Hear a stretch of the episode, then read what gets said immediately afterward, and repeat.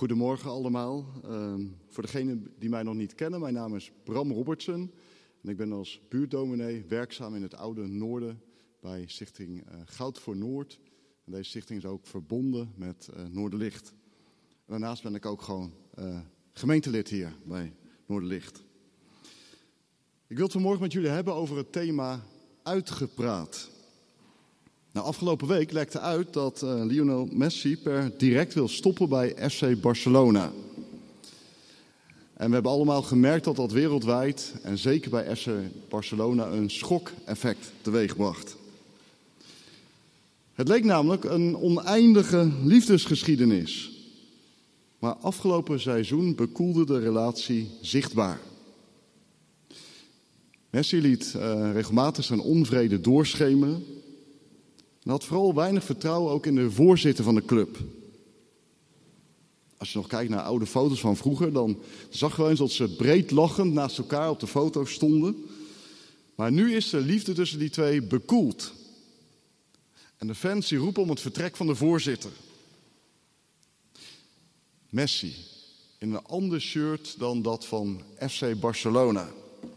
Dat hij bijna twintig jaar heeft gedragen. Ja, het is voor velen ondenkbaar, onvoorstelbaar. Maar voor de Argentijn lijkt er geen weg meer terug te zijn. Nu hij de club heeft laten weten te willen vertrekken. Zijn ze uitgepraat? Uitgepraat zijn in elk geval uh, Paulus en Barnabas. Twee grote namen in de geschiedenis van de kerk. En samen hebben ze op leven en dood van alles doorstaan. Maar vandaag horen we dat de liefde tussen die twee is bekoeld. En niemand die had het voor mogelijk gehouden. Want ze hadden zoveel meegemaakt. En, en ze waren bijna uh, samen ook vermoord. En toch, het is echt waar. Ze zijn uitgepraat. Nou, daarover gaan we met elkaar lezen uit de Bijbel, uit het boek Handelingen. Voor degenen die uh, thuis of hier in de kerk regelmatig hebben meegeluisterd deze zomer, die weten dat we de hele zomer met elkaar hier in Noorderlicht ook lezen uit het boek Handelingen. En onlangs heeft Niels de Jong gepreekt nog uit Handelingen 15. Dat doen we nu ook, alleen nu staan we stil bij het laatste gedeelte van dat hoofdstuk. Handelingen 15 vanaf vers 35 tot 41. Paulus en Barnabas bleven in Antiochië, waar ze met nog vele anderen de boodschap van de Heer onderwezen en verkondigden. Niet lang daarna zei Paulus tegen Barnabas: Laten we teruggaan naar alle steden waar we het woord van de Heer hebben verkondigd, om te zien hoe het daar met de leerlingen gaat. Barnabas wilde ook Johannes Marcus meenemen. Maar Paulus voelde daar niets voor, omdat hij hen in Pamphylië in de steek had gelaten en niet langer had deelgenomen aan hun zendingswerk. Een en ander leidde tot grote oneenigheid zodat ze uit elkaar gingen en Barnabas samen met Marcus naar Cyprus vertrok. Paulus koos Silas als reisgezel en vertrok eveneens, nadat de gelovigen hem aan de genade van de Heer hadden toevertrouwd. Hij trok door Syrië en Cilicië, waar hij de gemeente bemoedigde. Tot zover handelingen 15.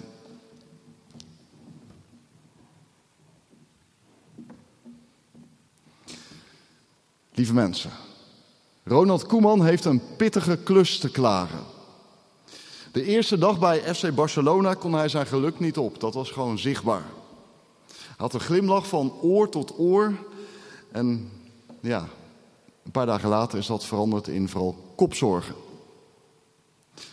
Ineens is daar een beerput opengegaan.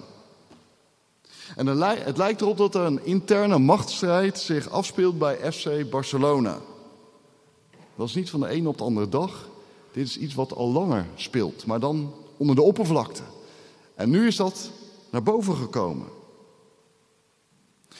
Ja, wat doe je dan als coach? En wat is wijsheid?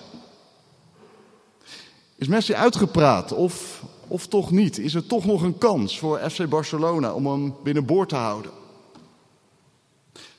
Het schijnt dat het nog steeds wordt gepraat achter de schermen. Zou het dan toch nog mogelijk zijn dat die kwestie wordt opgelost? Nou, hoe dan ook, Ik ben niet jaloers op Koeman. Ik zou niet graag in zijn schoenen staan. Want alles wat je zegt en ieder dingetje wat je doet, dat ligt onder een vergrootglas. De hele wereld, alle camera's, die zijn op jou gericht. Ja, en hoe krijg je dan in zo'n situatie alle neuzen dezelfde kant op? Soms vraag je jezelf dat af. Hoe kan het dat, dat oude vrienden gezworen vijanden worden? Ineens staan mensen lijnrecht tegenover elkaar. En, en dan gaat het lang niet altijd om, alleen maar om standpunten. Er is natuurlijk meer. Ja, je zou bijvoorbeeld kunnen denken aan karakterverschillen, aan de manier waarop er gecommuniceerd wordt, hoe iets aanpakt, ambitie, eergevoel, jaloezie. Ja, wie zal het zeggen? Volgens veel relatietherapeuten spelen angst en jaloezie een belangrijke rol in conflicten tussen mensen. En ja, ruzies komen overal voor. In families, op de werkvloer, op school en universiteit, het voetbalveld en ga zo maar door. En zelfs, misschien heb je net je vakantie erop zitten, ben je weer terug. Zelfs tijdens de vakantie is het niet altijd pais en vree. Je bent uit je ritme. Het kan zomaar zijn, zeker als je ineens 24, 24 uur per dag met elkaar optrekt, dat je begint te irriteren aan die ander. Paulus en Barnabas zijn tegen wil en dank hoofdrolspelers in een pijnlijk conflict. Jarenlang hebben ze vriendschappelijk met elkaar opgetrokken. En hun eerste contact, dat was kort na de bekering van Saulus. Want zo heette Paulus toen nog. Later kreeg hij een nieuwe naam. En het was zo dat uh, Saulus, die, die zat voortdurend die christenen dwars. En, en hij pakte ze op, hij liet ze gevangen zetten. Maar toen, op een gegeven moment, werd hij stilgezet door Jezus zelf. En, en toen veranderde zijn leven radicaal. Vandaar dat we spreken over een Paulusverkering. Maar ja, die christenen, die volgelingen van Jezus, die, die waren toch nog een beetje huiverig om hem te ontmoeten, want ze kenden hem en ze wisten wat hij allemaal geflikt had. Maar Barnabas, iemand uit die christelijke gemeenschap, die nam het voor hem op. En hij introduceerde hem onder andere volgelingen van Jezus. En dankzij die bemoeienis van Barnabas werd Saulus in de kring opgenomen. Dus als je terugkijkt, dan heeft Paulus ongelooflijk veel aan die Barnabas te danken. Oh ja, er staat trouwens nog zo'n verhaal in de Bijbel. Barnabas krijgt een nieuwe taak. En, en dan moet hij leiding geven aan de gemeente in Antiochië. Maar die taak die is te groot voor hem alleen. En wat doet hij dan? Dan schakelt hij Paulus in. En dan vraagt hij Paulus: Zou me willen helpen? Wil je me helpen met het werk van God? We hebben echt je hulp nodig. En, en Paulus gaat op die uitnodiging in en, en dan reist hij af naar Antiochië. En dan werken die twee een jaar intensief samen. En dat gaat goed.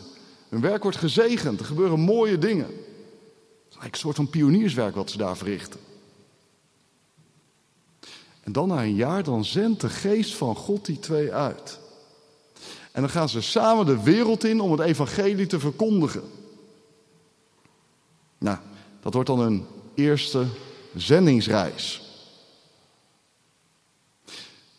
Dus die Paulus en die Barnabas, die hebben van alles samen meegemaakt. Ze kennen elkaar door en door. Ze kennen elkaars hoogte- en dieptepunten. En, en, en soms belanden ze in levensgevaarlijke situaties. En, en een paar keer is het kantje boord. Dat je denkt van nou, zullen ze met elkaar overleven? Dus reken maar dat die Paulus en Barnabas een diepe band hebben. En dan, dan vraagt Paulus, logisch toch, dat Barnabas weer met hem meegaat. Voor een tweede zendingsreis. De apostel die wil graag een bezoek brengen aan, een aantal pioniersplekken die zij hebben gesticht. En, en zijn pastorale hart die zegt dat het goed is om die medegelovigen daar te ontmoeten. Om gewoon eens even te polsen van, hé, hey, hoe gaat het eigenlijk met hen? En kunnen we iets voor hen betekenen? En natuurlijk ook om hen blij te maken met hun bezoek. Barnabas, ga je met me mee? Ja, dat is goed, antwoordt Barnabas. En, en laat ook Marcus meenemen. Blijft even stil. Er verschijnt een frons op het voorhoofd van Paulus. Op zijn Rotterdams, recht door zee, zegt hij dan: Dat lijkt me geen goed idee, Barnabas. En, en, en, en Barnabas die speurt er tegen: Waarom niet? Maar Paulus die laat zich niet van de wijs brengen. Barnabas, ik wil graag dat jij meegaat, maar zonder Marcus. Spijt me, Paulus, maar ik ga niet alleen mee. En Paulus die ziet aan die ogen van Barnabas dat hij het meent. En, en Barnabas die kan hoog of laag springen. Maar Paulus houdt toch voet bij stuk. Nee, Barnabas, Marcus gaat niet mee. Je ziet die twee gezichten en, je ziet langzaam dat de toon van het gesprek verandert. Er komt onbegrip en, en geëmotioneerd kijken ze elkaar aan. De irritatie is van hun gezichten af te lezen. Zie wat hier gebeurt. Die twee volgelingen van Jezus, die twee grote namen in de kerkgeschiedenis, die, die kunnen niet langer met elkaar door één deur. En hun vriendschap lijkt te breken op die figuur van Marcus. En het leidt zelfs tot een groot conflict, zo staat er. Een groot conflict, niet zomaar even een ruzietje. Nee, echt een grote fikse ruzie. Die twee grote namen, die blijken hier twee hele kleine mensen te zijn. Samen geroepen in dienst van de Heer, maar, maar niet in staat om hun geschil bij te leggen. In het belang van het evangelie. Als ik dat zo hoor, dan denk ik van, hè, hoe kan dat? Hoe is dat mogelijk? Als je zo ongelooflijk veel samen hebt doorstaan. Hoe kan het dan dat je, dat je over zoiets kleins zo'n groot conflict krijgt? Samen kregen te maken met heftige weerstand. Zijn ze vervolgd voor hun geloof? Zijn ze bijna in Jezus' naam gelyncht? En en dan loopt een vriendschap stuk op zoiets onbenulligs. Hoe is dat in Gods naam mogelijk?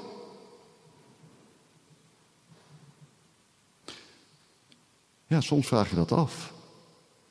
Hoe is het in Gods naam mogelijk dat relaties na vele jaren stuk lopen op, op iets kleins? Misschien van dichtbij meegemaakt. Op een dag hoor je dat die en die uit elkaar zijn gegaan en, en je mond valt open van verbazing. Zij? Op Instagram deelt ze pas nog leuke vakantiefoto's, waarop ze breed lachend te zien waren. Samen dobbelden ze op een knalroze flamingo in de zee. Zij uit elkaar? En je kunt het nauwelijks geloven. Vooral als mensen intens met elkaar verbonden waren, en, en samen moeilijke tijden hebben doorstaan. Van moeilijke tijden zeggen we vaak dat, dat die een diepere band met elkaar geven. Het kan dus iedereen overkomen, ook ons. In de nood leer je vrienden kennen.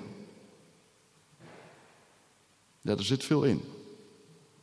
En toch, toch komt het regelmatig voor dat een huwelijk op een scheiding uitloopt. Dat vrienden die jarenlang met elkaar optrokken, elkaar niet meer zien. Dat ouders en kinderen de band met elkaar verbreken, wat eigenlijk ondenkbaar is. Dat broers en zussen elkaar niet meer spreken op een verjaardag, zelfs niet op anderhalve meter afstand. Dat collega's op de werkvloer elkaar wantrouwen dat ze liever om die ander met een boog heen lopen. Je kunt je voorstellen, als het dichtbij komt, dat dat enorm veel met je doet en dat het heel veel emoties oproept. Trouwens, niet alleen bij jezelf, maar, maar ook bij je omgeving. Wat gebeurt er dan? Wat je vaak ziet gebeuren, is dat de bom barst bij nou, een klein, simpel voorvalletje. En, en dat je jezelf later afvraagt van, waar, waar ging het eigenlijk ook weer over? Ik maak het mee dat mensen niet kunnen achterhalen waar het is misgegaan. En, en dan hoor ik iemand wel eens zeggen, ja wist ik het maar. Blijkbaar heb ik iets verkeerd gezegd. Maar, maar ik zou niet weten wat. Want, want sinds die dag wilde hij me niet meer zien. Ja, waar ging het eigenlijk ook, ook alweer over? Mijn werk heb ik in het verleden situaties meegemaakt waarin ouders zich oprecht afvroegen waarom hun kinderen hen niet meer wilden zien. Volgens hen was er helemaal niets bijzonders gebeurd. Ja, oké, oké, een heel klein voorval een keer lang geleden, maar ja, dat is de moeite van het noemen eigenlijk niet waard. Meestal ging het natuurlijk nergens over. Of ging het natuurlijk wel ergens over. Het is als met een ijsberg. Dat topje boven water verraadt dat er onder water heel veel schel gaat. Dus dat ene voorval dat die bom deed barsten, dat was het topje van die ijsberg. Kijk maar naar de apostel Paulus. Die reactie van Paulus, die, komt heus niet uit de lucht vallen of zo. Natuurlijk, hij is af en toe een beetje pittig van karakter, maar dit, dit heeft een achtergrond, een geschiedenis. Er is iets aan vooraf gegaan. Marcus, die, die is eerder mee geweest op zendingsreis. Met Barnabas en Paulus. En zowel Barnabas als Marcus, die zijn op hetzelfde eiland geboren. En ze zijn daar ook op datzelfde eiland opgegroeid. Voor onze vakantieeiland, Cyprus. Maar dat niet alleen, ze hebben nog meer gemeenschappelijk. Die twee, die horen ook bij dezelfde familie. Marcus is een neef van Barnabas. Dus dat speelt ook allemaal op de achtergrond mee. Maar het hete hangijzer is dat Marcus halverwege die eerste zendingsexpeditie die andere twee in de steek liet. En terwijl Paulus en Barnabas de zeilen heesen, ging hij niet mee naar Klein-Azië, het huidige Turkije. Marcus, die gaf de brui aan. Dus kunt je voorstellen, die, die Paulus en Barnabas, die hebben een slechte ervaring opgedaan met Marcus. En ze weten wat voor vlees ze in de kuip hebben. En dat het gedoe kan geven als hij met hem meegaat. Anders gezegd, de vraag is: is die Marcus eigenlijk wel geschikt voor, voor het zendingswerk? Vandaag de dag gaat het natuurlijk heel anders. Ik bedoel, als je nu, het zou geweldig mooi zijn als hier vanmorgen of, of thuis meeluisterend uh, mensen zijn die een verlangen hebben ook om, om iets missionairs te gaan doen, hier in Nederland of, of in het buitenland. Maar dan is het niet zomaar dat je naar een, een van de organisaties toe loopt, je aanmeldt en, en je wordt uitgezonden. Vaak gaat daar een psychologisch onderzoek aan vooraf. Is er soms zelfs een test, medische keuring en, en voer je gesprekken met anderen. En, en ja, dan kan het gebeuren, een enkele keer komt dat voor, dat iemand niet geschikt is voor het missionaire werk. En dat hij negatief advies krijgt om erger te voorkomen. Maar ja, Paulus heeft al die mogelijkheden niet die wij wel hebben. En hij denkt, ik ga het er niet nog een keertje op wagen. Dus Paulus, die Marcus een gebrek aan commitment. Barnabas die staat er anders in. Barnabas denkt, ja, het is wel mijn neef.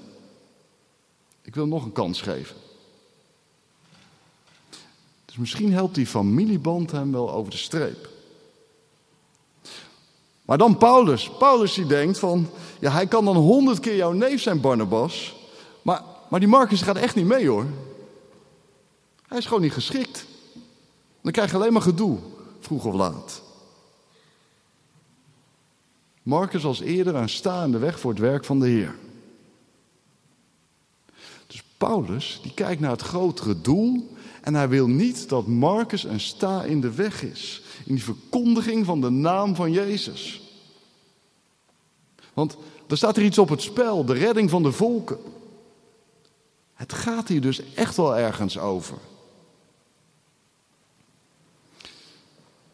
Ja, dan staan ze, Paulus en Barnabas, en, en staan lijnrecht tegenover elkaar. Ze komen er niet uit. En beide zetten ze een hak in het zand. Zo van, nee, ja. Ja, van Paulus, als je hem een beetje kent, dan zijn we gewend dat hij af en toe een beetje zwart-wit kan zijn. En, en, en, vooral als het gaat om de verkondiging van de opgestane Heer, dan is het alles of niets. En terecht. Die Paulus is een temperamentvol type. En, en voor ons gevoel misschien af en toe ook wel een beetje op het fanatieke af. Paulus, vol van Heilige Geest, lezen ook in de Bijbel. Ja, kijk dan eens naar Barnabas. Die Barnabas is een heel ander figuur. Barnabas leren we kennen als een zachtmoedig iemand, iemand die mild is, die, die geduld heeft met mensen. Ook iemand die, die heel verschillende mensen met elkaar weet te verbinden. Een netwerker zouden we vandaag zeggen. Een, een typische bruggenbouwer. Ook vol van Heilige Geest. En hier leren we op een nieuwe manier kennen. Hij blijft voet bij stuk houden. Zou het kunnen dat Barnabas zijn neef een tweede kans wil geven? Want dat is toch ook heel evangelisch, dat je, dat je iemand weer een nieuwe kans biedt. Bij God mogen we toch altijd opnieuw beginnen? God schrijft toch geen mensen af? Of moeten we zijn reactie zien in, in lijn van zijn zachtaardige karakter? Zo gaat het wel vaker met minder assertieve types. Dat, dat ze de neiging hebben om, om zich voortdurend te schikken. En, en dat gaat een tijdje goed. Maar, maar dan, als het zich opstapelt, dan is daar een dag dat de bom barst. En vaak gaat er ogenschijnlijk een of andere fertiliteit aan vooraf. Maar dat is niet alles. Daar zit veel meer achter en onder. En toch, hoe het ook zij, ik denk dat uiteindelijk niet die verschillende karakters die uh, het zijn die Paulus en Barnabas ten diepste uit elkaar drijven. Het gaat volgens Lucas om het werk. Het werk in dienst van het evangelie. Paulus die wil niet dat door de aanwezigheid van Marcus um, het werk van het evangelie in het gedrang komt. Jezus Christus heeft hem geroepen. En hij heeft hem geroepen om het evangelie te verkondigen. En, en hij wil niet dat er iets of iemand daartussen komt te staan. Paulus en Barnabas. Twee grote namen. Maar het zijn heel gewone mensen. Dat is natuurlijk niet de bedoeling om dat als excuus te gebruiken van ja, ik ben ook maar een mens. Zo van ja, ik kan doorgaan met ruzie maken, want ja, ik faal ook toch? Nee, als volgelingen van Jezus hebben we ook een verantwoordelijkheid gekregen. Daar worden we hier in de kerk en thuis mee luisterend aan herinnerd. Juist als volgeling van Jezus wordt ons elke dag weer gevraagd om, om in de spiegel te durven kijken. En dat je jezelf eens even afvraagt van ja, ben, ben ik misschien wel jaloers geweest? Durfde ik tenminste te zijn? Heb ik iets van het geduld dat Christus met mij heeft, heb ik daarvan iets weer spiegeld richting die ander? Heb ik dingen gezegd die die ander hebben geschaad? Of in hoeverre heb ik me laten leiden door negatieve emoties? De genade van het evangelie maakt dat je als mens bescheiden en eerlijk bent. En ja, soms ook duidelijk. En wie van genade leeft, wordt ook genadig richting anderen. Soms pakt het me dat, dat God het uithoudt met, met deze wereld en met ons mensen. Als ik God was, dan, dan had ik er al lang een punt achter gezet. God niet. God die gaat door met het liefhebben van zijn wereld. Hij gaat door met het liefhebben van ons bokkige mensen. Want ja, als we dan even zo zwart-wit zijn als Paulus wel eens is. Paulus heeft de mond vol van de liefde van Jezus, maar, maar wat blijkt er op dit moment van in zijn eigen leven? Hoe kan hij in al die brieven van hem oproepen tot, tot eenheid in, in de christelijke geloofsgemeenschap? Terwijl hij zelf in onmin leeft met Barnabas. Dat voelt een beetje dubbel. Dat je enerzijds dit zegt en anderzijds dat doet. Het blijft dus iets wonderlijks dat, dat God mensen als Paulus en Barnabas inschakelt voor zijn boodschap van verzoening en vergeving. En ja, we lezen hier gewoon in Handelingen 15 dat het uiteindelijk hen niet lukt om het conflict te beëindigen. Oh ja, begrijp niet verkeerd. Niels Jong zei twee weken geleden ook al hier in de dienst. Op zich is er niets mis mee om af en toe een keer goed boos te worden. Het kan nodig zijn om iets wat uh, vastzit open te breken. En zeker als er iets op het spel staat. Soms gaan we in de kerk in Nederland wel eens vanuit dat je, dat je geen ruzie met elkaar mag maken. En, en dat boosheid op zich al verkeerd is. Als we onze boosheid ontkennen of verdringen, dan gaat het vroeg of laat, ja, dan gaat het een eigen leven leiden. En, en dan komt het heus op een ander moment aan de oppervlakte. Met alle gevolgen van dien. Daarom is nou juist zo mooi dat de kerk de plek is waar we al onze gedachten, al onze emoties ehm, de ruimte mogen geven. Om zo ook dingen te benoemen en, en te bespreken en, en, en je hoopt dan ook met elkaar uit te spreken. Dus soms is het nodig om even de, knoep, eh, de knuppel in het hoenderhok te gooien. Maar altijd met het doel om die ander tot zegen te zijn. Om iets open te breken, om weer verder te kunnen. Ja, en, en tegelijkertijd zegt Paulus ook ergens anders: kwaad worden is menselijk, maar kwaad blijven is duivels. En, en in de andere brief schrijft hij: Word boos. Dus hij zegt gewoon: Word boos. Maar zondig niet. Laat de zon niet ondergaan over uw boosheid en geef de duivel geen plaats. Ja, en als ik nu toch weer aan deze situatie denk, dan ja, Paulus, dat heb je makkelijk gezegd. Hè? Op papier weet je precies hoe het zit, maar, maar nu de praktijk.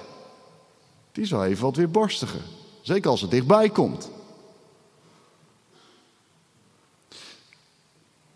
Ja, vandaag wel een moeilijk gedeelte. Want tussen die Paulus en die Barnabas lijkt het niet meer goed te komen. En, en zo gaat het vaker. Dat het soms niet meer goed komt tussen ons mensen. Niet elke ruzie wordt uitgepraat. Omdat het soms gewoon weg niet lukt. Paulus schrijft in zijn brief aan de gemeente in Rome: Leef, voor zover mogelijk, en, en, en voor zover het van u afhangt, in vrede met alle mensen. Dus je ziet, daar zit een klein voorbehoud in. En, en hij weet uit eigen, ervaring, uit eigen ervaring hoe moeilijk het soms is om met iedereen in vrede te leven. Het gebeurt soms. Als je iemand de hand reikt. En, en je biedt aan om het uit te praten. Maar die ander, die wil niet. En wat je ook doet, het werkt niets uit. En als je niet jezelf beschermt, dan zou je op stuk lopen. Waar het hier in het evangelie altijd om gaat, is dat er iets van beweging is. Hoe klein die beweging ook is, Maar dat je probeert die beweging op te merken. Dat er iets van beweging naar die ander toe is. Al is het maar minuscuul. Iedere beweging naar een ander toe is van God. Hier zie je het tegenovergestelde gebeuren. Verbitterd gaan Paulus en Barnabas uit elkaar. Ja, ik weet niet hoe het jou vergaat, hoe het u vergaat, maar ik, ik vraag me dan zelf, mezelf dan af van... hé, hey, zouden ze elkaar nog hebben aangekeken? En, en toen ze uit elkaar gingen, hebben ze elkaar toen nog een hand gegeven. Zoals ze elkaar zo vaak als broeders de hand hebben geschud. Of, of zijn ze misschien wel scheldend uit elkaar gegaan, vloekend en tierend? Het staat er niet. We weten het niet. Maar ik weet wel, niets menselijks is ook Paulus en Barnabas vreemd. In ieder geval keert Barnabas met zijn neef Marcus terug. En ze gaan terug naar waar het allemaal begonnen is. Cyprus. Hun geboortegrond. En als ze daar weer terug zijn, dan zijn ze terug bij af. Marcus die kiest graag de veilige weg. Hij wil duidelijkheid en zekerheid. Maar wie kiest voor een andere zekerheid dan Jezus Christus, is terug bij af. En als je verder leest in dat boek Handelingen, dan, dan zie je dat die namen van, van eh, Marcus en Barnabas dus ook helemaal niet meer voorkomen. Ze verdwijnen hiervoor goed uit beeld. Paulus, Paulus, kordaat, hij gaat niet bij de pakken neerzitten. Nee, hij kiest een nieuwe reisgenoot, Silas. En dan vertrekt hij samen met hem naar uh, Syrië en Cilicië.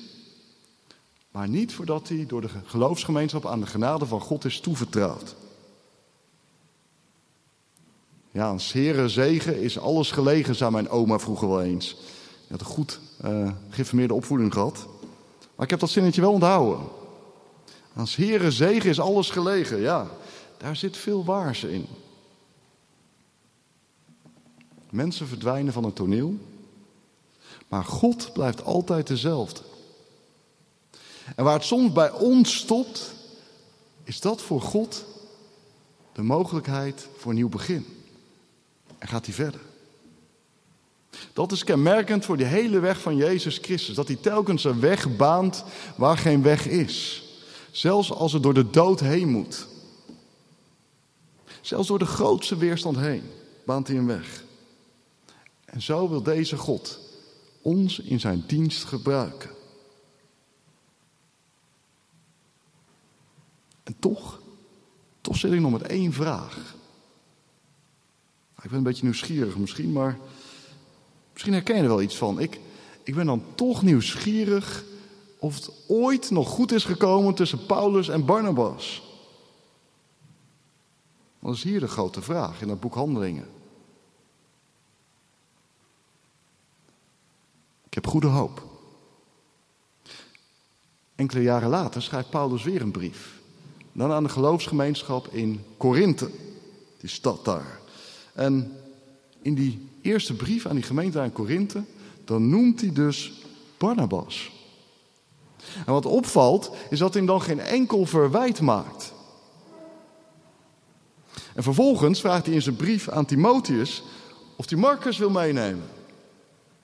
En, en ik denk even, hoor ik het goed? Marcus, die, die wilde hij toch niet bij je hebben, Paulus?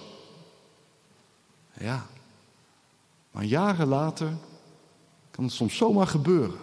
Dat mensen die ver van elkaar verwijderd waren, door God toch weer bij elkaar komen. Hij vraagt zelfs aan um, of, dat, of dat ze Marcus willen meenemen, omdat hij hem van nut kan zijn. Je ziet, de wonderen zijn de wereld nog niet uit. Ik vind dat bemoedigend om te horen. Het lijkt er dus op dat na dat heftige conflict het uiteindelijk toch weer is goed gekomen. En dat Barnabas en Marcus opnieuw door God zijn ingeschakeld in die doorgeefbeweging van Jezus. Goddank lijkt het hier dus met een sisse af te lopen. Maar ja, we zijn allemaal realistisch genoeg Of we weten uit eigen ervaring dat de praktijk soms weer borstig is. Hier lezen we dat het goed komt. Hoe is dat eigenlijk in ons leven of in onze familie, in onze relaties? Soms komt het niet meer goed tussen broeders en zusters van hetzelfde geloof. Ja, laten we maar gewoon eerlijk zeggen, dat is pijnlijk en verdrietig. Zeker als er een diepe scheiding voelbaar is. Of, wat ook kan, dat een van beiden is overleden. De onmogelijkheid ontbreekt om het uit te praten. Wat dan? Wat als je niet meer de kans hebt om dingen weer recht te zetten? Omdat je die ander niet meer ziet. Of omdat die ander er niet meer is. Is het dan nog een uitweg? Wat ik nou zo geweldig hoopgevend vind van het evangelie, is dat ons laatste woord nooit Gods laatste woord is. En dat we ook in de Bijbel lezen dat in het koninkrijk van God alle tranen uit onze ogen zullen worden afgeveegd. En dat alle scheidingen tussen ons mensen zullen worden opgeheven. Want God is één. En hoe zou er bij deze God scheiding tot in de eeuwigheid kunnen blijven bestaan? Dat nooit. God is de grote heelmaker. En hij raakt nooit uitgepraat. Hij is het woord in levende lijven. Wat hier niet is uitgesproken, dat zal daar in het licht van Christus boven tafel komen. En ja, dat is niet iets van even een knip of zo en dan, dan is het goed. Nee, reken maar. God heeft een eeuwigheid de tijd. In Gods nieuwe wereld is er eindelijk tijd om alle dingen werkelijk uit te praten. En daar in dat koninkrijk, zijn nieuwe wereld, zal wat krom is, recht gezet, gezet worden. En wat mis is gegaan, zal worden uitgesproken. Daar staat hij zelf voor in. Je zou kunnen zeggen, Jezus Christus is de grote mediator die ervoor zal zorgen dat de dingen tot een goed einde komen. Mag dat ons troost? Mag dat ons kracht geven en hoop? Als we zelf niet meer de kans hebben om een verbroken relatie te herstellen. Misschien is dat wel de hele rode draad door de Bijbel. Ik heb het al vaker gezegd. Wat onmogelijk is bij mensen, is mogelijk bij God. In het licht van het evangelie hebben de scheidingen tussen ons nooit het laatste woord. Door de opstanding van Jezus uit de dood is geen enkele breuk definitief. Jezus staat een brug die wij niet kunnen slaan. Aan Hem is het laatste woord. En met Hem, met Jezus, mogen de nieuwe week ingaan. In goed vertrouwen. Wetend dat waar het bij ons stopt, dat Hij daar verder gaat. Dat Hij het afmaakt. Met Hem raak je nooit uitgepraat. Amen.